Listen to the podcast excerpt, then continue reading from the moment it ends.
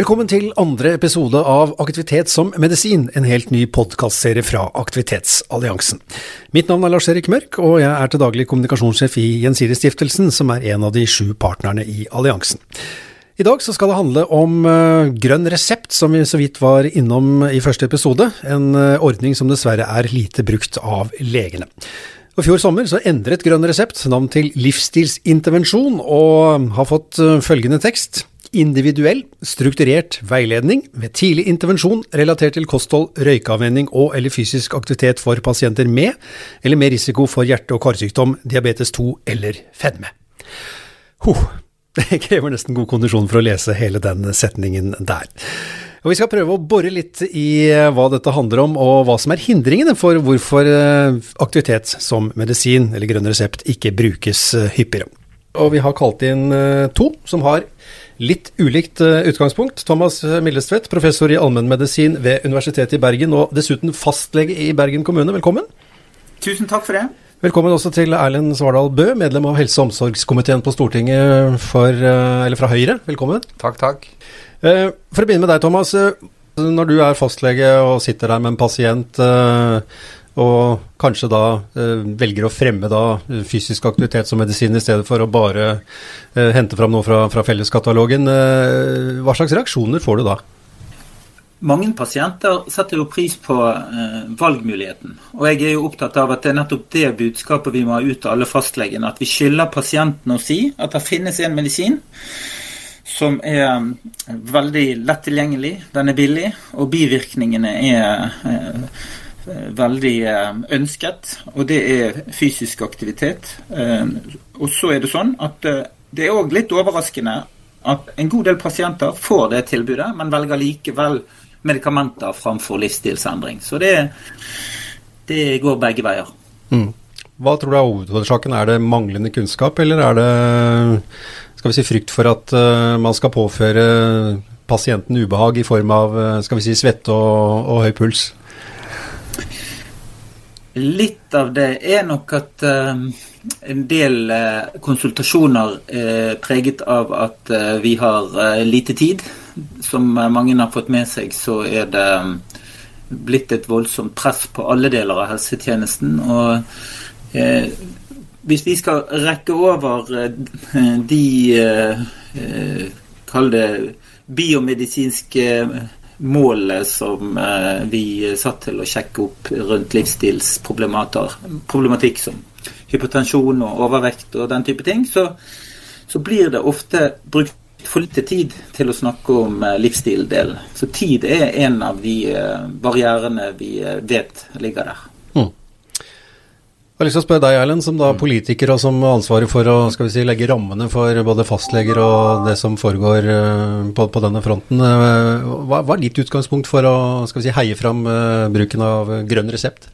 Nei, Det er så enkelt som at fysisk aktivitet er, mener jeg er underkommunisert som medisin, og er et veldokumentert virkemiddel for å forebygge veldig mange livsstilssykdommer i samfunnet vårt. Enten det er høyt blodtrykk, det er kolesterol eller diabetes, så er det ingen tvil om effekten av fysisk aktivitet aktivitet. Og så tror jeg litt sånn som fastlegen òg er inne på. Jeg mener det at eh, når jeg sier at det er underkommunisert som medisin, eh, så handler jo det òg om hvordan kan vi ta mer bruk fysisk aktivitet i tida framover, som forebygging og tidlig innsats, nettopp for å ta ned belastninga på helse- og omsorgstjenesten. Nå kom jo f.eks. Helsepersonellkommisjonen kom jo med en rapport for en stund siden. Der pekte jo de òg på forebygging og tidlig innsats, at vi må jobbe mer med det. Eh, og så kjenner meg litt igjen det som, det som blir sagt her. Jeg har òg vært, Før jeg kom inn på Stortinget, så satt jeg i kommunestyret i Tromsø. Eh, og det er jo ofte sånn at at eh, når du skal gjøre ulike valg, eh, så er det litt enklere å ta de valgene der du har fokuset der og da, fremfor å se de langsiktige effektene. Sant? Jeg husker veldig godt når vi skulle lage kommunebudsjett, sant? så handler det om hvordan får vi budsjettet neste år til å gå opp, sant? ikke hvordan får vi budsjettet om fem år til å gå opp. Eh, og Det er der jeg tror vi må få inn litt det politiske perspektivet om at det her er òg en viktig investering i folks helse, men òg en investering i å få ned belastninga på helse- og omsorgstjenesten vår i, i årene fremover. Du peker jo litt på, på årsaken her, men hvorfor er det så vanskelig å si, fremme forebygging? Nei, hadde jeg hatt svaret på det, så skulle jeg fått det med, med, en, med, en, eneste gang. Men jeg tror jo det er litt det som jeg var inne på med, med på en måte at en ikke ser kanskje altså Jeg ser ikke helt eh, flink nok til å se de langsiktige effektene av det. da, At vi må bli litt flinkere til å investere i det, det eh, der. Og så kommer jo en ny folkehelsemelding. Den skal jo komme nå, den er jo rett rundt eh, hjørnet. og Det blir jo veldig spennende å se hva slags grunnlag som en legger til grunn, grunn, der. Men jeg mener at fysisk aktivitet som, som medisin må få en større rolle, og kanskje se litt på andre typer virkemiddel. F.eks veilede aktivitet, som noen har vært inne på. Men så er jo klart fastlegen sin rolle er jo kjempeviktig i det her. Nå fikk vi en ny sånn livsstilsintervensjon i, i fjor høst, der en riktignok slo sammen det som skal ikke gå veldig nerdet inn i kode 101 og 102, men i hvert fall de to som ble slått sammen, som handler om grønn resept og, og røykeslutt. Eh, så det er klart at hvis en kunne fått en litt mer giv inn i grønn resept, funnet litt andre måter å organisere det på, litt mer forpliktende, så tror jeg òg en kunne lykkes bedre med, med det her. Mm. Hva, hva, tenker du Thomas, når du hører politikeren her? Er det, er det håp? Ja, det er klart det er håp. Og uh, vi, uh, vi, trenger i hvert fall å spille på lag, for dette er en sånn mm. samfunnsutfordring.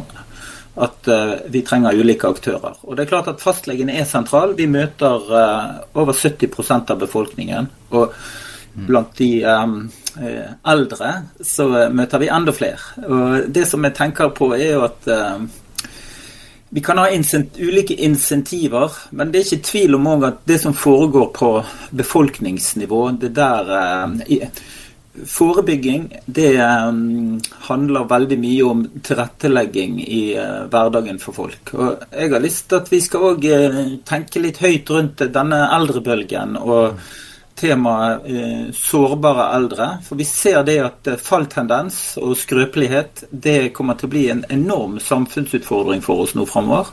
Så jeg tror òg at både fastleger og eh, frisklivssentraler og eh, politikere må se på hvordan kan vi hjelpe de som kanskje ikke har trent veldig mye opp gjennom livet, men som nå på en måte må trene for å klare, for å klare seg i hverdagen. Det, det tror jeg blir et viktig tema framover.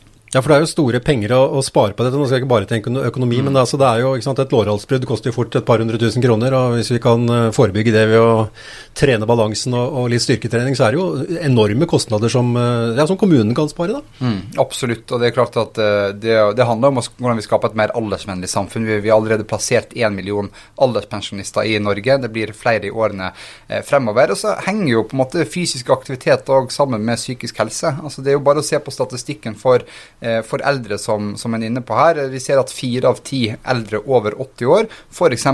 føler på ensomhet. Mange av dem oppgir f.eks. det med immobilitet. sant? Han ikke klarer eh, å være i aktivitet eller får eh, lårhalsbrudd som gjør at han settes litt ut. da.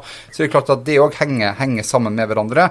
Og så må jeg bare si, for jeg har skrevet ut en sånn fin statistikk som ikke alle som lytter på, får, får se. men den viser liksom at folkehelsa i Norge går jo egentlig ganske bra. Vi har, vi, har, klart å få ned alkoholbruk, fått ned tobakksbruk, fått ned andelen som har høyt blodtrykk, bekjempelse av hjerte- og karsykdommer. Men de to områdene der vi har sett på statistikken over tid som vi ikke klarer å gjøre noe med, ja, det er jo da fysisk inaktivitet, og så er det da andelen med fedme og diabetes på de to tingene som vi ikke scorer på. Og Det er jo derfor jeg mener at nå må vi liksom ta en litt sånn eh, hva ordet skal bruke, kraftinnsats da, eh, inn mot det feltet her. Fordi at det er gjennomgående de to tingene vi, vi ikke klarer å, å, oppnå. Og Det henger òg veldig sammen med folk sin psykiske helse òg. Det at en òg er mer i, mer i, aktivitet og bruker fysisk aktivitet og annen type aktivitet eh, mer. da. Mm. Eh, som i alt annet som handler om uh, endring både i holdning og atferd. Altså pisk eller gulrot, så kan dere spekulere begge to. Hva, hva må dette til? Begynner med professoren. Ja, nå er jo dette med motivasjon og eh, noe av det som jeg har interessert meg mye for, både forskningsmessig og uh, i min egen praksis. Og vi, vet jo det at pisker Det får jo til endring. Men, men, når det gjelder livsstil, så vet vi at hvis du skal få til varig endring, så er det nødt til å være noe som bor inni de som skal gjøre det. Og jeg, jeg er opptatt av at vi må gjøre mer for at det blir eh, naturlig å velge de sunne valgene. Og Du nevnte overvekt. og eh, Kost er jo på en måte eh, i samme gaten når vi snakker om forebygging av diabetes og overvekt. og mm.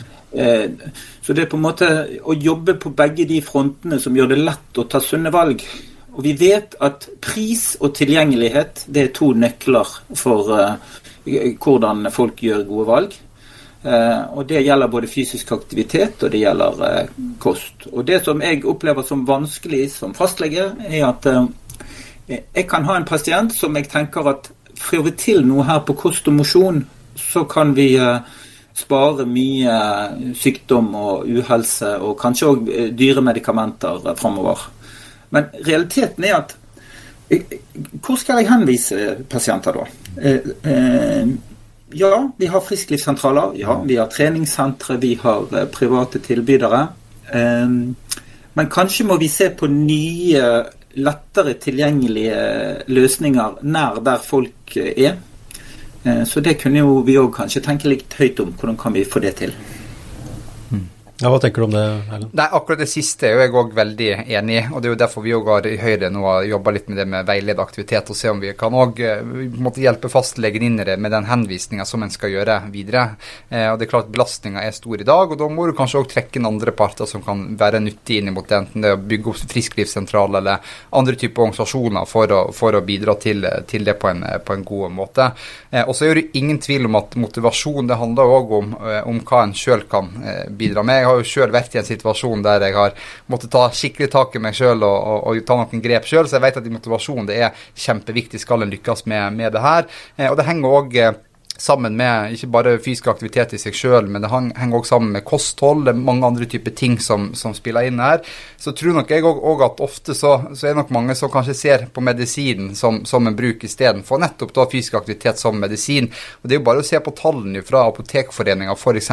fra i fjor, som viser en økning i legemiddelbruk i Norge på 3% eh, Gjennomsnittlig så bruker hver nordmann 1,6 legemiddeldoser per dag.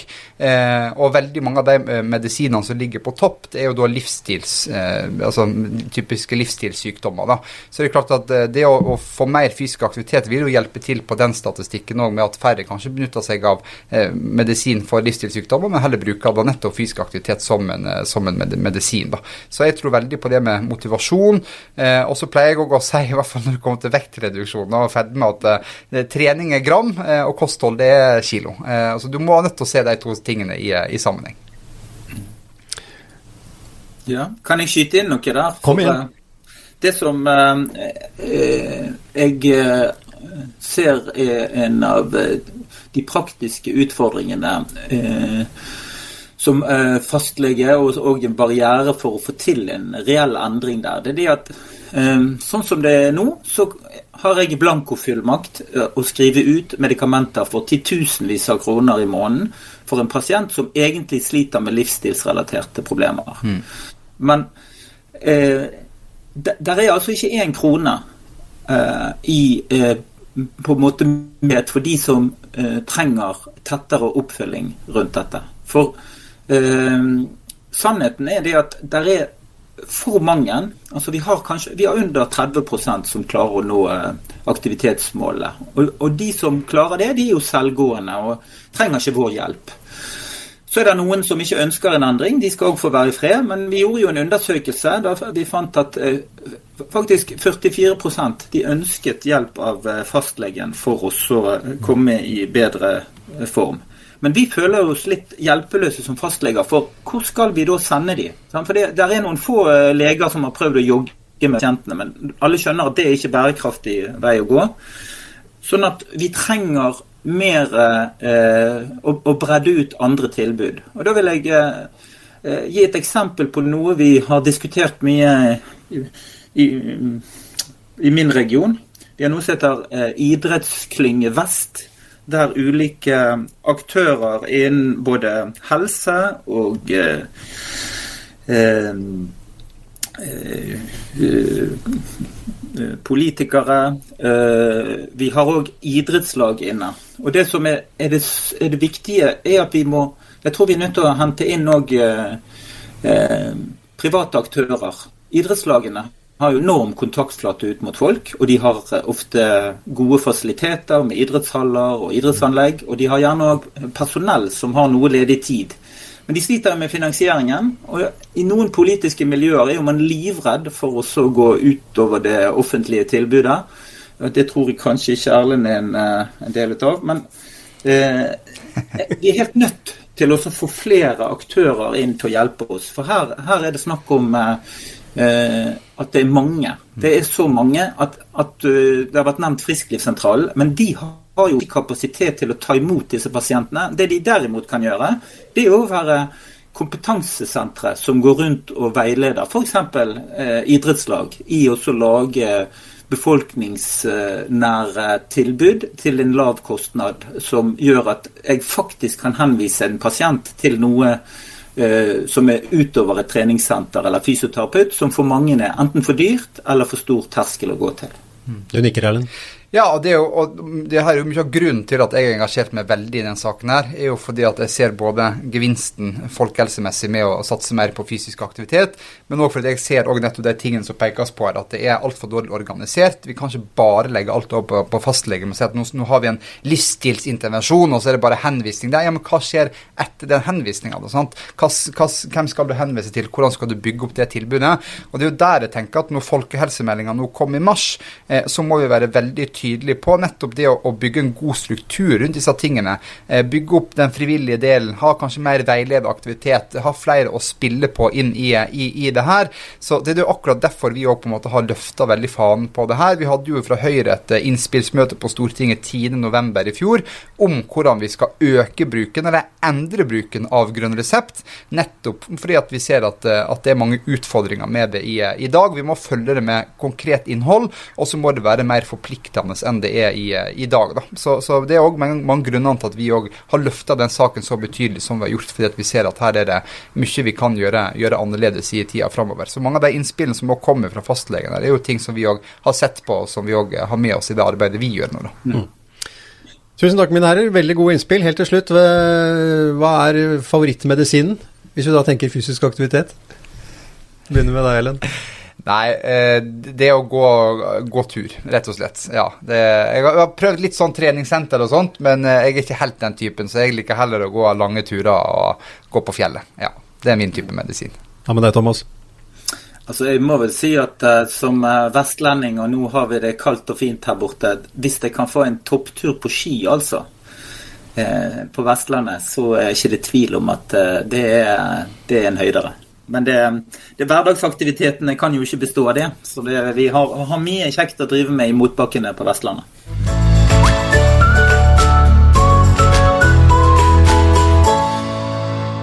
Da har vi kommet fram til spalten her i Aktivitet som medisin som heter Det lurer vi på. Og i dag så lurer vi rett og slett på hvor uh, Altså, Hvor mye lenger lever vi egentlig hvis vi er i fysisk aktivitet? Altså, Har det noen effekt på, på leveår? Og vi har kalt inn vår egen ekspert her, Lis Pedersen Strøm, som uh, jobber på idrettshøyskolen og jobber for Sunne kommuner og, og tidligere toppdirektør i Rode.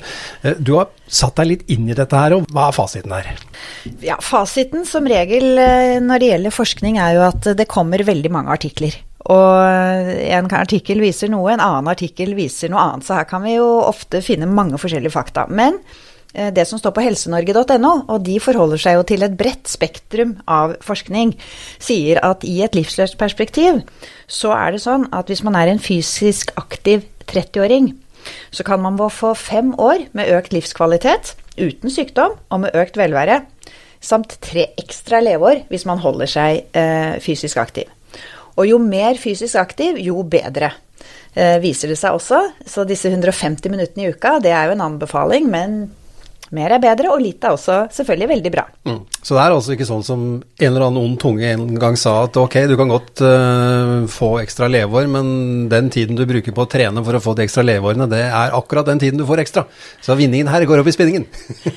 ja, det uh, argumentet har jeg også hørt. Og når vi snakket om det på forkant her, så måtte jeg finne frem kalkulatoren og regne litt på det med disse 150 minuttene. Og jeg kunne si da at det er bare tull. Fordi 150 eh, minutter f.eks. i 50 år, det blir definitivt mye mindre enn de tre ekstra leveårene og de tre ekstra årene med økt velvære. Mm. Så fasiten her er rett og slett at det lønner seg å være fysisk aktiv lønner, for å leve lenger? Det lønner seg, og eh, det som er veldig spennende Vi har et voldsomt flott forskningsmiljø oppe i Trondheim, NTNU, som forsker på uh, trening og, og helse. Eh, de har jo sett at for voksne folk som er fysisk aktive, så ser de så mye som 14 år ekstra hvor man er selvhjulpen. Altså hvor man kan bevege seg rundt i samfunnet uten hjelp fra helsevesenet. Og det er eh, viktig å få frem at det er aldri for sent å starte, og vi ønsker oss jo alle flest mulig selvhjulpne leveår. Eh, det som også står på Helse-Norge, er at eh, hvis du er fysisk aktiv, så har du faktisk bare halvparten så stor risiko som en inaktiv person til å få en for tidlig død av hjerte-karsykdom. Og det er ganske voldsomt, altså. Halvering av risiko for for tidlig død av hjerte-karsykdom. Så det skal vi eh, merke oss. Og det som jeg tenker, selv om eh, dette med leveår og fysiologi er viktig, så er det klart at eh, den effekten du får på livskvaliteten her og nå, den tenker jeg at vi skal ta med oss, fordi den gir deg et overskudd til å ha et aktivt liv på andre områder også. og Det er ikke noe vi kan måle kanskje fysiologisk sett, men den effekten i forhold til gode leveår, den, den skal vi ta med oss. For det, det er jo det vi er veldig opptatt av her i Aktivitetsalliansen.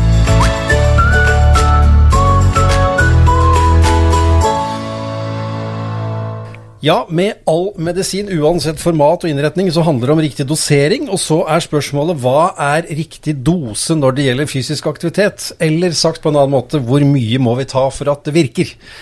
Eh, de fleste av oss har vel et eller annet minne fra barndommen om at medisinen kanskje ikke smaker noe godt, eller i andre tilfeller er tilsatt et eller annet som gjør at den smaker helt fantastisk. Så er spørsmålet da hvordan få de som ikke liker medisinen til å ta den. Eh, og vi har hentet inn et lite panel som skal hjelpe oss med disse spørsmålene. Professor innen treningsmedisin ved NTNU, Dorte Stensvold, velkommen til uh, Aktivitet som medisin. Tusen takk. Og Ingvar Andersen. Uh, skal vi si et langt liv innenfor fysisk aktivitet. Du har vel kanskje sett flere svette kropper enn de fleste av oss? Ja, kanskje. På 49 år så har det vært en del. Men uh, for å begynne med deg, Dorte. Hva vet vi, altså hva vet vitenskapen om hva som er uh, tilstrekkelig for å få en helsegevinst? Mm. Nei, det finnes jo etter hvert ganske mye og gode studier som, som viser at det er ikke så mye som skal til for å få en, en helseeffekt. Faktisk så ser du den største risikoreduksjonen, den første, liksom, største effekten får du fra å være ikke noe aktiv til å være litt fysisk aktiv.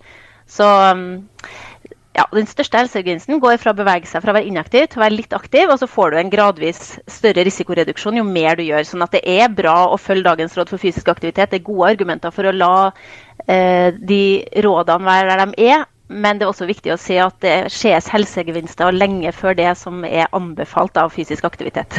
Mm.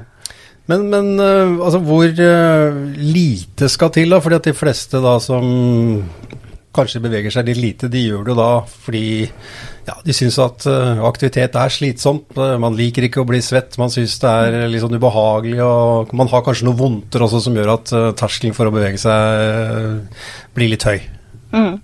Ja, nå er det akkurat kommet en kjempegod studie fra Australia, som, hvor de har brukt dataene fra UK Biobank, som er det største studiet som er gjort på det som kalles objektivt målt fysisk aktivitet, som viser at det er veldig lite som skal til hvis du får opp intensiteten på treninga litt. Der var det faktisk vist i den studien at hvis du har fire minutter hver dag med litt hard intensitet på økta, altså at du blir ordentlig andpusten, så førte det til en risikoreduksjon for eh, all slags dødelighet og hjerte og kar på opptil 40% faktisk. Så fire minutter med litt andpusten hver dag gjorde at uh, den gruppa der kom veldig mye bedre ut av den. De som ikke gjennomførte noen fysisk, eller noe fysisk aktivitet med, med, litt intensitet på treninga, eller aktiviteten.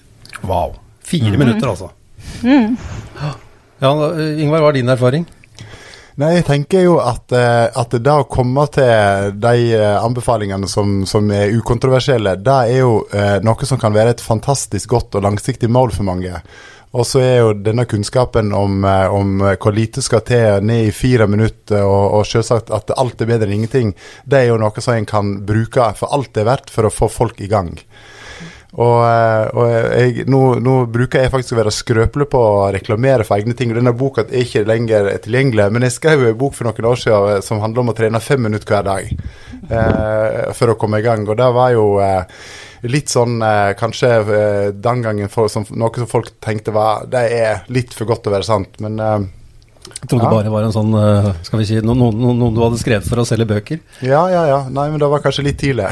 Ja, Deilig når vitenskapen bekrefter det du har eh, Ja. reklamert for. Ja. Nå får forleggerne til å skrive det, du gi ut et nytt opplag og si at 'jeg hadde rett'. Ja, Ja, ja. Men, men hva er ideelt da, Dorte? Altså, hvis vi sånn, Ut ifra en, sånn, en helt ideell verden, altså hvor mye aktivitet eh, er helt ideelt altså, for å få maks eh, skal vi si, helsegevinst? Ja, den, eh, De fleste studiene viser jo at du skal ganske langt opp før den effekten flater ut. Så skal du trene veldig mye før den flater ut. Så det er eh, altså nesten en risikoreduksjon jo mer du gjør, altså opp til, til du begynner nesten med toppidrett. Så det, og, og veldig mye hard og lange treningsøkter. Men ja, sånn at jeg, jeg vet ikke, Det er liksom vanskelig budskap. Jeg er jo veldig enig med at vi er nødt, dem vi ønsker å nå, er jo dem som ikke beveger seg i hele tatt. Og der er det jo viktig å si at det er veldig lite som skal til. Eh, og så er det, Når du først har kommet i gang, da, så kan du jo strekke deg litt til. Vi vet jo at folk beveger seg hver dag. Det er jo noe alle bør eh, sånn ideelt sett gjøre. Eh, men, men det er jo eh, De aller fleste klarer jo ikke å trene hver eneste dag. og Da er det viktig å si at får du trent én, to ganger i uka, så har du allerede gjort en innsats. Også. Og kanskje bitte litt, kanskje fire minutter hver dag. Ja, jeg fikk, jo, jeg fikk jo lyst til å hoppe litt til, til, til det, eh, hva vi kan gjøre i dag. Og, med, med liksom denne nye kunnskapen så, så, eh, så, så, så må jeg bare eh, komme inn på noe jeg har, har ivra for i mange år, og det er jo å få folk til å trene der de er. Eh, folk er på jobb, og, barna og ungdommene er på skolen. Eh, og hvis vi da tar de voksne, hvis en kunne sett føre seg da, og Jeg har snakket om en halvtime hver dag. altså En setter av uansett hva slags arbeid en har, så får en tilrettelagt trening. Men, men mer realistisk er det jo hvis en kunne tenkt ti minutter der en eh, beveger seg, eh, stretcher litt, varmer litt opp, og så går litt fort i trapper eller i en motbakke. Så har en altså en, en hysterisk forebyggingseffekt. Og, og, og dette var jo aktuelt for ti år siden, men nå, men nå når helsevesenet vårt eh, kneler på den måten de gjør, så, så er det stadig mer aktuelt altså, å, å ta det på alvor. Altså Vi sitter på, på egentlig på løsningen eh, få folk til å trene der de er. Og min erfaring er jo at eh, når, når det skjer, for det er jo noen som gjør det, gående møte som, eh, som Gjensidigestiftelsen har vært gode på, og, og selvsagt eh, pausegym og sånne ting som en del gjør. Erfaringen er at eh, når folk får smake på det litt grann eh, i løpet av arbeidsdagen, så er den runden på ettermiddagen den er veldig mye nærere. Så, så her kan en snakke om eh, ringer i vann som er formidable. Så, så minimum eh, på jobb, og, og så deretter fylle på og få de uka-effektene på, på egen hånd. Ja, så er det vel også å bruke den styrken som ligger i det å være del av et fellesskap. ikke sant? Motivere hverandre og, og dra hverandre med. Ja. Ja, jeg tenker det. Ja, det, er et, det er et gull eh, som ligger der eh, framfor oss, klart til å bli, eh, bli plukka og foredla. Jeg er veldig enig i det. Og jeg tror for dem som skal i gang, så er det eh, viktig å snakke om denne hverdagsaktiviteten. Og den studien som jeg refererte til, som akkurat ble publisert på slutten av fjoråret, den, den tok jo også for seg hverdagsaktivitet. Det var ikke nødvendigvis at folk hadde tatt på seg for å trene. Sånn at man skulle nødvendigvis nå skal jeg gå en time på trening. Det her var folk som hadde på seg akselometer, og som, hvor hverdagsaktivitet var målt. Og hvor de så at de som klarte å komme opp i en viss intensitet under denne hverdagsaktiviteten, hadde denne enorme risikoreduksjonen. Sånn at jeg er veldig enig i det, at vi blir nødt til å se på det mer helhetlig. Trening, Strukturert trening er én ting, og det kan være fint og viktig å treffe mange. Men for dem det ikke treffer, så er det viktig å tenke mer dagligdags fysisk aktivitet. Når du går til jobb, eh, hjem fra jobb, at du ser du en motbakke, ok, så dra på litt når du går hjem, da. Så har du en, eh, en større effekt. Men spiller det noen rolle hvilke aktiviteter vi gjør? Ja, der vil jeg jo si at gjør det som får deg til å gjøre det. altså, det er det aller viktigste. Det er det Ja, den treninga du får gjort, er den beste treninga. Det er sagt mange ganger før, men det er nødt til å være budskapet, tenker jeg.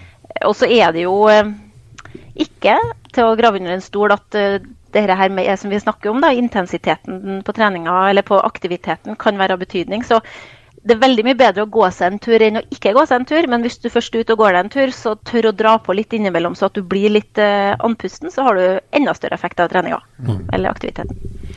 Yngvar, du har, en, eh, du har en sånn lei tendens til å skape bilder vi ikke blir, blir kvitt, liksom ikke blir kvitt i hodene våre. og Jeg husker for noen år siden så fortalte du liksom der at ja, ta knebøy mens du pusser tennene. og det har liksom, Etter at du sa det, det har blitt med meg. Hver gang jeg pusser tenner, så tenker jeg burde jeg ikke ta knebøy, for det sa Yngvar. Ja, ja, altså burde og burde. Jeg har vel egentlig da kommet fram til at knebøy ikke er en så god løsning når en pusser tenner. Fordi at iallfall er det sånn for meg at når jeg da går under speilet, så slutter jeg å pusse tenner. Så da tar det litt lengre tid. Men, men, men den klassiske øvelsen der er jo tåhev. Eh, da rekker en kanskje 50 tåhev. Og, og da, bruker jeg å, å, si til folk at hvis du da tenker ti år fram i tid, hvis en er så heldig å leve i ti år, så, så blir jo det vanvittig mange tusen tåhev. Eh, så det, det er, men det er klart det er flott å ta knebøy, altså, men, men det, det, bør jo gjerne for å være gjennomførbart ikke ta lengre tid enn tannpussen ellers ville gjort. Mm. Men uh, apropos det, uh, alternativ til å gå, altså styrketrening, Dorte, hvor viktig er det? Det er veldig viktig, uh, uten tvil. Og jo eldre vi blir, jo viktigere blir det, vil jeg si. Du lever jo uh, får litt sånn gratis når man er ung, både på kondisjon og styrke når man er i 20-årene, og så detter jo gradvis etter det. Sånn at spesielt når man uh, begynner å gå inn mot alderdommen, og egentlig før det, altså rundt 40-50 og så oppover, bør styrketrening virkelig være en del av aktiviteten. Og ikke at det er uviktig før den teller, men spesielt viktig da, vil jeg si. Mm. Men vi må snakke litt om eh, skal vi si elefanten i rommet. Det, altså hvor mye Eller altså overdosering. For det er jo, det er jo, det er jo noen som, som si, blir litt hekta på denne medisinen. Eh, altså, hva, hvor går grensen mellom det som er fornuftig og det som er selvskading? Ja, nei, det, Vi vet ikke all verden om dere der. At, og det er antageligvis individuelle variasjoner. Noen tåler mer enn andre. Og det henger sammen med mange andre ting også. Sant? Kosthold og stress ellers i livet. også. Mm. Så det, jeg vil ikke si at det er et samfunnsproblem at folk trener for mye. Det Ja. Det, det, er klart at På et tidspunkt så flater effekten ut, og kanskje bekker den litt opp når du ender på enorme mengder. Men det er veldig veldig sjelden, altså. Mm. Så vi skal ikke gå rundt og være bekymret for det? Nei, eh, det, det er ikke den veien jeg ville gått og begynt å snakke om det, nei. Eh, det, det, er jeg 100 enig i at det ikke er et samfunnsproblem. Og, og jeg tror heller ikke at det nødvendigvis har med, med mengder sånn generelt å gjøre. Men jeg tror jo at en del av de, eh, kanskje spesielt unge voksne som, som er knallharde med seg sjøl, og som, som har lest utallige quotes på sosiale medier, 'go hard og go home' og sånne ting, at, eh, at i visse perioder så tåler en mye, og i andre perioder tåler en mindre. Det handler òg om, om, å utsette seg sjøl for å bli, bli sjuk, men at um, en kan bli bedre på så, som er, de, de, fleste av idrettsutøverne vi kjenner til, har jo vært knallgode til å, til å lytte på den gode måten at det står ei knallhard intervalløkt på programmet. Kjenner at det stemmer ikke i dag, tar ei roløkt langkjøring. Det tror jeg mange eh, ivrige mosjonister er dårligere til. Så der kan vi ha noe å hente, uten at det er store deler av befolkningen som, som lider av det. Mm. Jeg er enig i det, og restitusjon er jo viktig del av det hvis du trener hardt. Men når vi snakker om helsegevinst og det å få folk fysisk aktive, så gjelder jo ikke det så veldig mange. Men det er klart at for dem, dem det gjelder, er det jo helt reelt at, at for å optimalisere um, effekten av treninga, i hvert fall, så, så er restitusjon en, en del av det også. Men hvis jeg skal oppsummere, da, nå har vi lært at fire minutter kan være nok. Eh, hva er det som er lurt da for å kunne ha så god livskvalitet eh, så lenge som mulig? Det er i hvert fall helt sikkert at ja. Eh, livskvaliteten øker med at man har en funksjonell kropp. Og det her med skrøpelighet og det å ikke kunne gjennomføre dagligdagse gjøremål, det kommer til å bli enda viktigere i de årene som kommer, hvor vi blir mange eldre. Så jeg tenker at det må være en kjempemotivasjon for å, for å holde seg fysisk aktiv. Så ja, for å leve godt så er trening sammen med en del andre faktorer, selvfølgelig, kosthold, eh, sosialt samvær, eh, en veldig viktig del av det å ta vare på egen helse.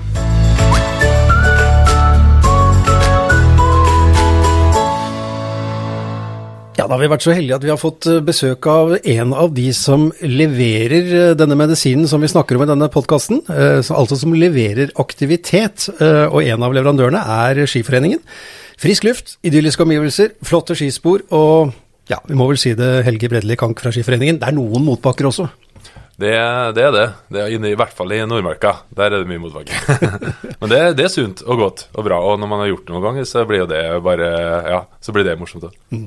Men du, eh, prøv å sette litt ord på det om denne aktivitetslykkepillen som jo skigåing kan være for eh, svært mange av oss. Ja, du oppsummerte det ganske greit innledningsvis. Da. Det er jo eh, selvfølgelig fysisk fostring. utendørs, frisk luft altså, og så har du det visuelle Nordmarka, spesielt om vinteren, er jo fantastisk fin. Så da får du påfyll eh, på alle bauger og kanter. Så det er liksom En tenker det er en av de ultimate måtene å komme seg i form på, og holde seg i form på. Gå på ski i marka. Mm. Eh, det skal tidlig krøkes osv., men eh, vi blir vel kanskje ikke født med ski på beina, selv om det kan se litt eh, slik ut på resultatlistene i VM. Hvordan er det dere jobber med å, å få introdusert denne, dette fantastiske tilbudet for flest mulig? Ja, Det er en oppgave som Skiforeningen har tatt på alvor helt siden starten i 1883. Og nå i år så fylte faktisk Barnas skiskole 75 år. Uh, den er jo kanskje Eller skiskolen er jo et av de viktigste tiltakene vi gjør i forhold til å introdusere barn og unge for, for skigåing. Der uh, vi har uh, nå i år mellom 7500 og 8000 barn fra barnehager og skolefritidsordninger, og også direkte påmeldt fra foreldre. da på kurs gjennom hele vinteren. Og da er det Trener ikke på å skulle med målsetting om å bli gode skiløpere, men det er å oppleve skiglede og mestring. Og det er skileik, da. Å lære seg fra helt sånn grunnleggende ploging, fiskebein, stå i stå nedoverbakke. Ja, enkel, eh, enkel, enkle skiferdigheter som de kan enten ta med seg og bruke hjemme i familien på tursituasjonen, eller eh, kanskje noen er også motivert til å ta det videre i en skiklubb eller noe sånt. da. Mm. Har du noe erfaring med altså, hvor viktig det er å si, starte tidlig, i forhold til å bevare og fortsette med denne ja, det er jo interessen? Liksom, det er jo i hvert fall to, minimum to sider ved det. Det ene er jo at det, vi vet jo alle at unger er jo ler jo veldig fort. Eh, så det motoriske å få inn det tidlig er jo selvfølgelig en uh, stor fordel. Men også det, det, her med å så frø tidlig, ikke sant.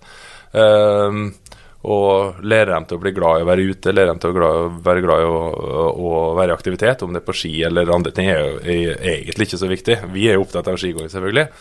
Men eh, også så de frøene som man kan ta med seg videre. Så vet vi jo alle vi som har unger at eh, ofte så, med mindre man er aktiv skiløper, så er det noen som får en sånn liten sånn dupp i interessen rundt tenåra. Det er i hvert fall litt slitt med å få med mine tenåringer ut på, ut på ski. Men så kommer det tilbake, det husker jeg sjøl, ikke sant. Du sikkert også. At den der, de frøa som er sådd, og den, den fine opplevelsen vi hadde, hadde, på ski og ute med familie, den tar du med deg gjerne videre i livet. I hvert fall når du er ferdig med den der oppstandelse perioden i tenåra.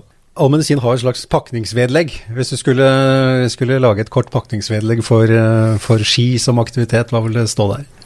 På pakningsvedlegget for uh, ski, som selvfølgelig uh, da er blå resept, så burde det stått uh, lykkepille på ordentlig utropstegn. Frisk luft, visuelt veldig tilfredsstillende, og fysisk aktivitet.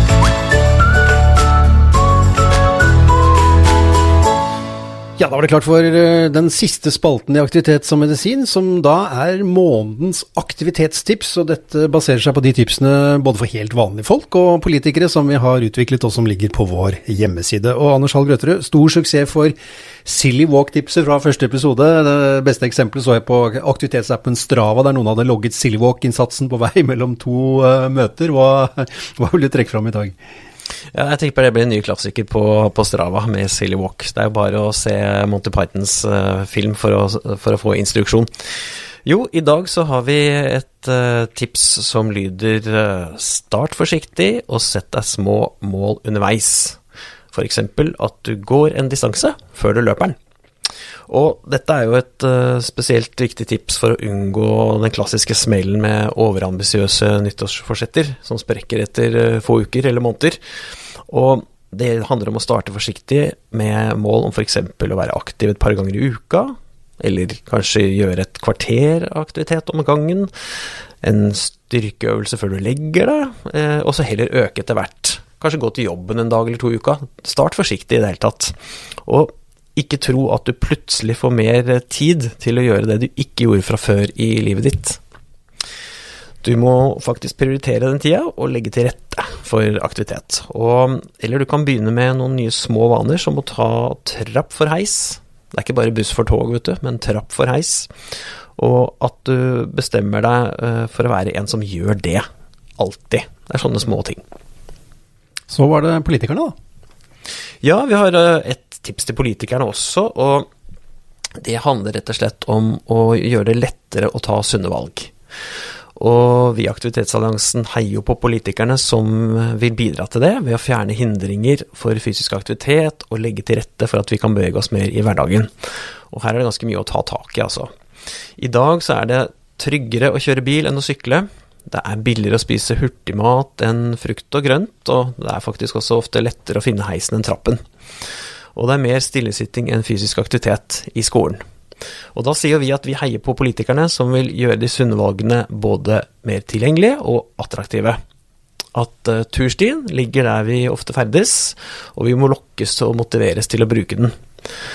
Vi har også det som vi kan kalle aktivitetsinspirert design og arkitektur i offentlig rom. At det gir en utfordring av bygg, eller så er utfordring, jeg mener utforming, av bygg og fellesarealer som innbyr til naturlig aktivitet. F.eks. ved at vi står, går og bruker kroppen mer der vi er, eller dit vi skal.